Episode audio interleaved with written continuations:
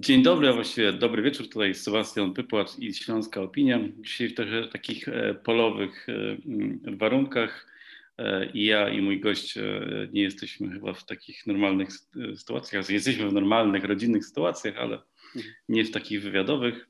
Ale to tym bardziej dziękuję, że poświęca nam czas. A moim gościem jest poseł Wojciech Król.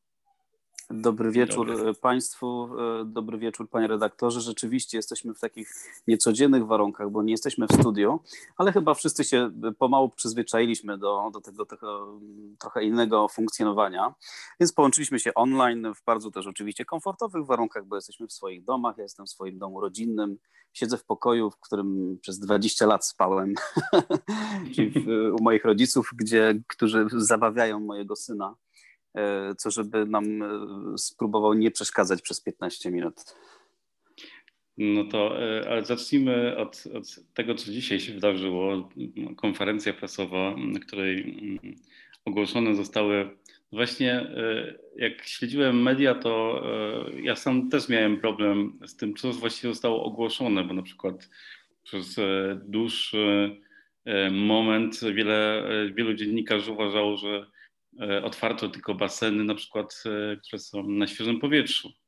Jak się potem mhm. okazało, że tylko baseny, które nie są aquaparkami.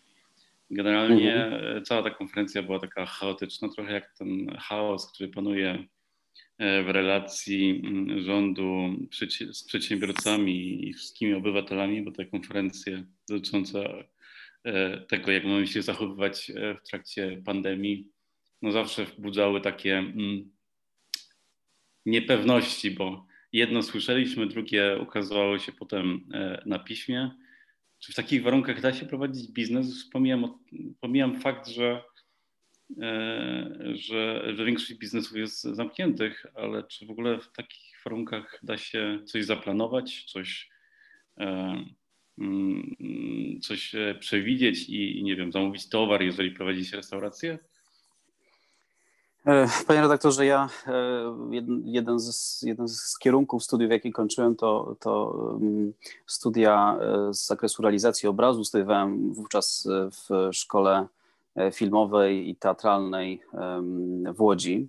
I pamiętam, mm, że na, na, na kierunku aktorstwo uczyli aktorów, że nawet improwizacja, nawet że, że najtrudniej zagrać chaos, a każda improwizacja musi być oczywiście dobrze przemyślana. Tutaj mamy do czynienia z improwizacją, która, która nawet nie jest przemyślana, czy rząd, rząd e, improwizuje. Ten chaos chyba nikogo tak naprawdę nie dziwi. Mamy déjà vu, patrzymy na kolejną konferencję prasową, w sumie nie wiemy, czy ona już jest na żywo, czy jest odtwarzana, bo premier zachowuje się trochę jak rzecznik rządu, występuje co chwilę z jakimiś e, komunikatami, raz e, otwiera, raz zamyka. Nawet dodam, bo mam to z pewnego źródła, że raz e, na konferencji prasowej premier się pomylił i coś, co miało być otwarte, powiedział, że będzie zamknięte, i później to rozporządzenie dostosowywali do, do tych słów premiera, żeby już nie prostować. Więc to świadczy wszystko o tym, że rządzą nami absolutni amatorzy a cierpią na tym obywatele, cierpią na tym e, dzisiaj przedsiębiorcy. Jeśli cierpią przedsiębiorcy, to na końcu ucierpimy oczywiście wszyscy. Ucierpi państwo, ucierpi każdy pracownik, każdy, każdy konsument. No, z tych wszystkich informacji, które, które dzisiaj wyłapałem na konferencji prasowej premiera, dowiedziałem się, że stoki narciarskie będą otwarte, więc myślę, że pan prezydent, głowa państwa naszego osiągnęła swój cel w końcu jakiś polityczny, bo bardzo zależało mu na otwarciu stoków narciarskich i rzeczywiście tutaj musimy przyznać panu prezydentowi, że chociaż raz potrafił być skuteczny, wynegocjował, lobbował, aby stoki narciarskie były otwarte. To tak trochę pół żartem, pół serio, ale chyba nikomu nie jest e, do śmiechów, e, do śmiechu. My już od jakiegoś dłuższego czasu jako opozycja domagamy się, aby w reżimie sanitarnym otwierać e, firmy, bo państwa polskiego nie stać na to, żeby, żeby im w sposób realny pomóc. Są oczywiście kraje europejskie, które pozwalają sobie na bardziej daleko idący lockdown, ale w przypadku polskich przedsiębiorców niestety nie możemy sobie pozwolić dłużej na tego typu zamknięcia e, biznesów, bowiem państwo tylko udaje, że pomaga e, przedsiębiorcom.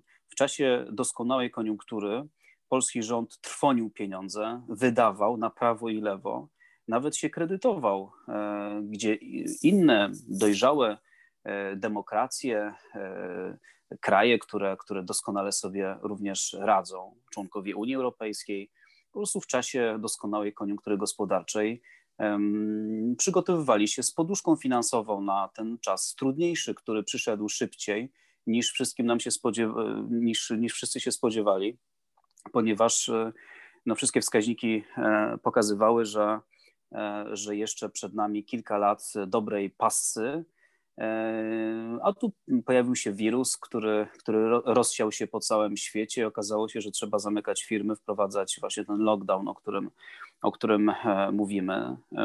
Takie totalne zamknięcie, początkowo dzisiaj troszeczkę E, troszeczkę odmrożone.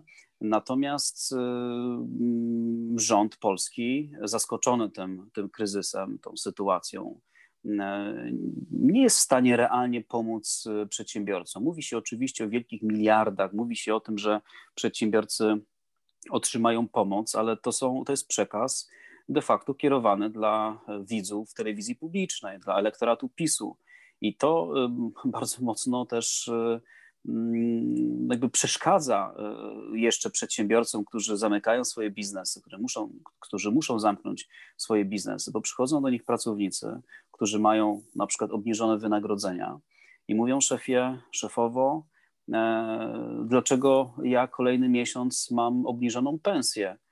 E, nie wiedzą o tym, że przedsiębiorca, żeby ich utrzymać, bardzo często mm, no, sprzedaje jakiś swój majątek albo wydaje e, wszystkie oszczędności, albo zaciąga kredyt, żeby utrzymać swój, swoją firmę z nadzieją właśnie na to, że będzie mógł e, z tymi pracownikami e, się odbudować, bo jeśli pracowników zwolni, to będzie to oczywiście bardzo trudne, żeby zaczynać od zera.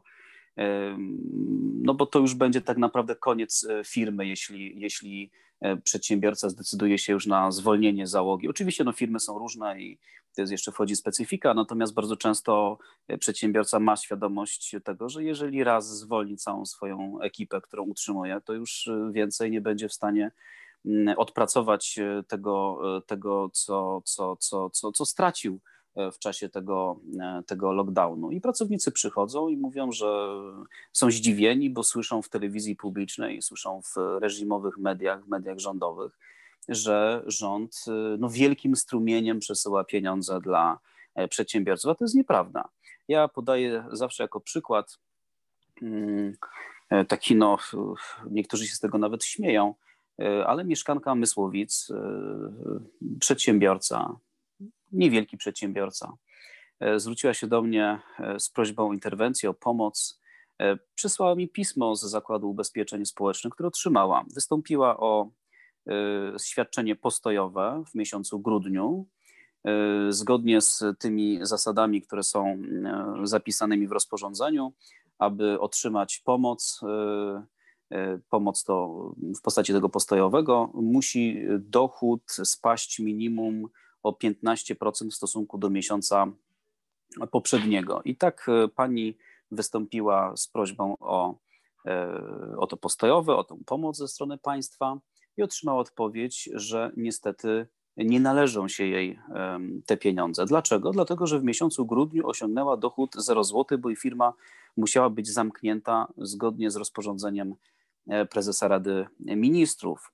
E, porównanie tego miesiąca 0 zł do miesiąca poprzedniego, do listopada, w którym mogła prowadzić działalność gospodarczą, ale to jest niewielka firma i ona nie była w stanie sprzedawać tego, co sprzedaje na wynos. W związku z tym jej dochód wyniósł również 0 złotych i Zakład Ubezpieczeń Społecznych odmówił jej, uzasadniając, że dochody jej nie spadły o 15%.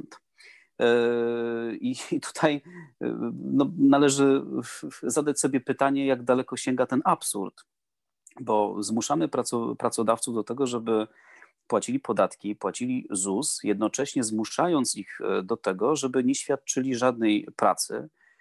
Pozbawieni są pozyskiwania jakiegokolwiek przychodu, a są zobowiązani do płacenia chociażby ZUS-u, co, co z automatu powinni wszyscy przedsiębiorcy, którzy, których ten lockdown dotyczy, powinni być zwolnieni z tych bardzo mocno obciążających składek. I teraz, jeżeli przedsiębiorca nie ma przychodów, stara się utrzymać pracowników, żeby ci pracownicy mieli na chleb, na przykład zaciąga kredyt albo kosztem swoich jakichś oszczędności jeszcze utrzymuje tą załogę, ale spóźnił się do ZUS-u, bo po prostu nie miał pieniędzy, to już nie otrzyma pomocy ze strony państwa, bo się spóźnił z z opłatami do Zakładu Ubezpieczeń Społecznych czy do Urzędu Skarbowego, już pomoc mu się nie należy. Znaczy to, to komu chcemy pomagać? No, chyba powinniśmy pomagać tym, którzy są najbardziej poszkodowani.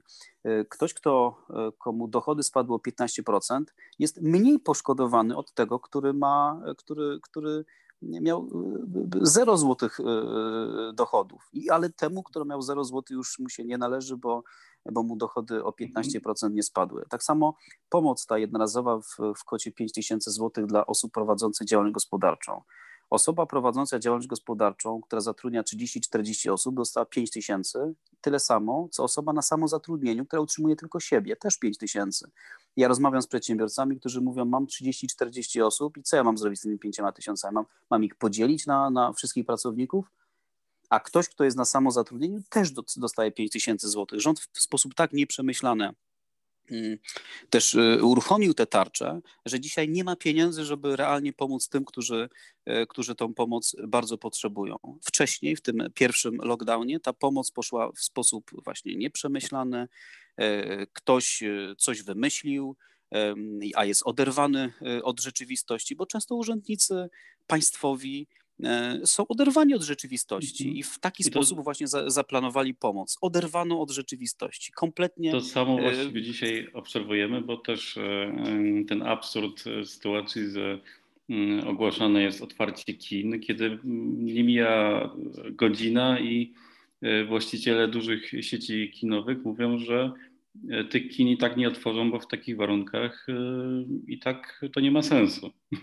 Więc nie dało się nawet zorganizować e, spotkania z aż tak dużo e, właścicieli sieci kin chyba w Polsce nie ma. Nie? Jeżeli z no. takimi dużymi graczami się nie myślę, rozmawia, no to, to, Myślę, to, że zmieściliby się... Mali, mali są skazani na, na, na, na, na pożarcie. No, Wie pan, ja myślę, że zmieściliby się może u mnie w biurze poselskim, e, więc myślę, że w kancelarii premiera tym bardziej by się zmieścili i, i to pokazuje właśnie, że planują pomoc e, ludzi oderwani od rzeczywistości. To jest tym istotne, że ktoś nie rozmawia, nie pyta, w jaki sposób można pomóc. E, przedsiębiorcy nie są roszczeniowi. Przedsiębiorcy chcą utrzymać swoje biznesy, bo te biznesy pracują na to państwo. To nie rząd utrzymuje obywateli, tylko obywatele rząd. E, oczywiście Prawo i Sprawiedliwość poprzez chociażby swoje programy socjalne próbuje wmawiać ludziom, że to rząd coś daje. Rząd niczego nie daje, bo rząd nie ma żadnych pieniędzy. Rząd ma pieniądze tylko te, które dają mu obywatele.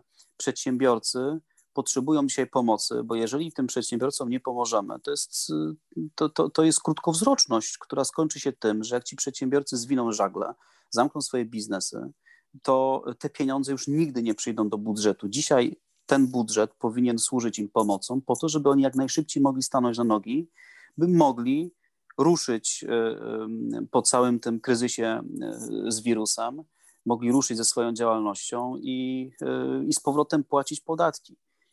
Państwo odpowiedzialne nie powinno dążyć, znaczy powinno dążyć do tego, żeby tym ludziom pomóc, bo ci ludzie to państwo utrzymują.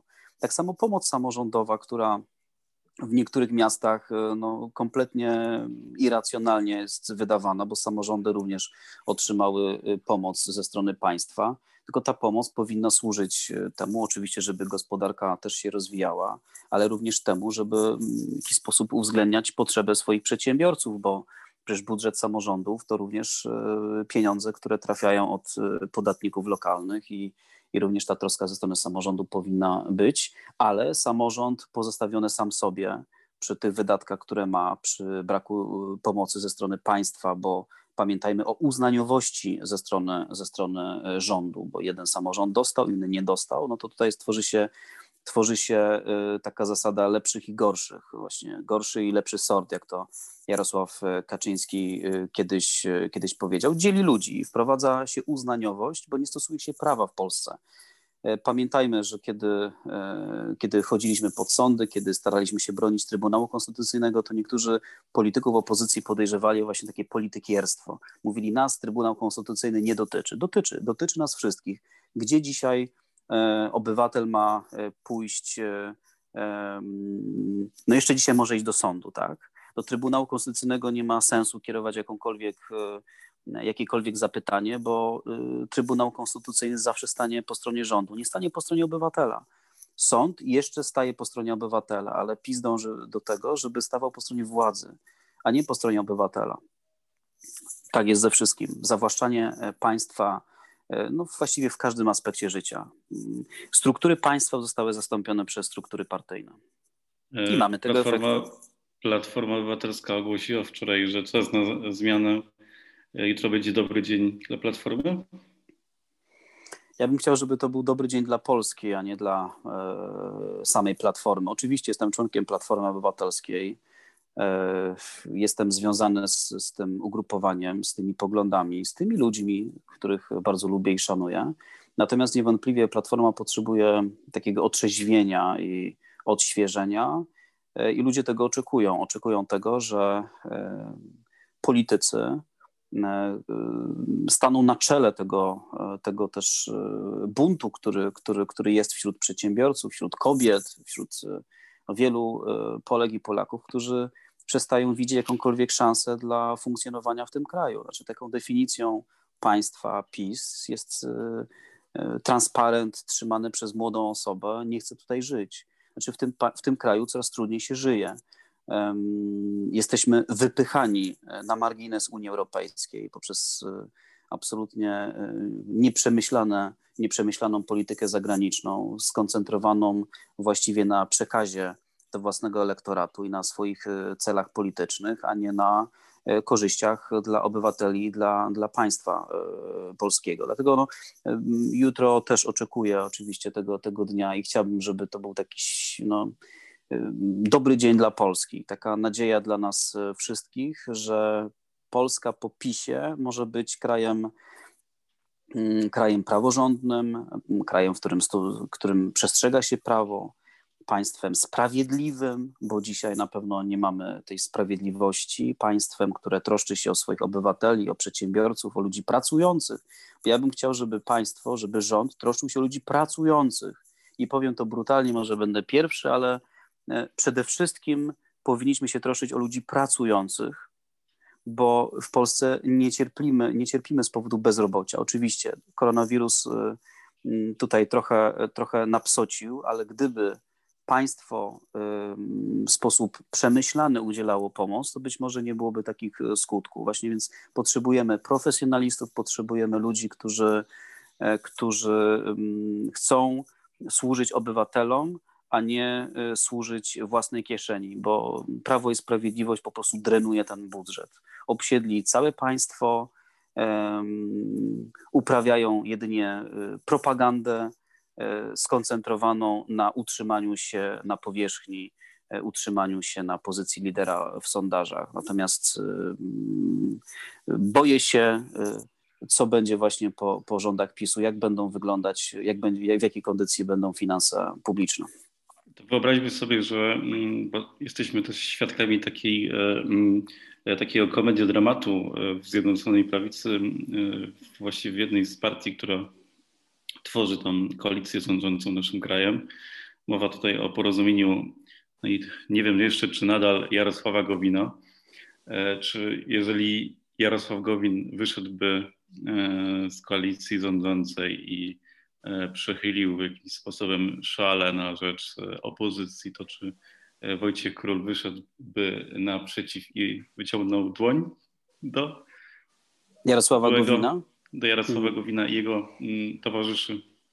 Wie pan co, żeby nie rządził, żeby, jest, żeby się powiem tak, ale mówię to absolutnie, mówię absolutnie za siebie, gdyby, gdybym miał oczywiście na to wpływ i gdyby moja dłoń miała taką moc, E, mhm. to, to powiem panie redaktorze w ten sposób, że żeby odsunąć Jarosława Kaczyńskiego od e, władzy, bo no nie może być gorszego scenariusza dla Polski niż Jarosław Kaczyński, to podałbym Jarosławowi Kaczyńskiemu, bo, przepraszam, Jarosławowi Gowinowi dwie dłonie, żeby go przyciągnąć mocniej, silniej na swoją stronę.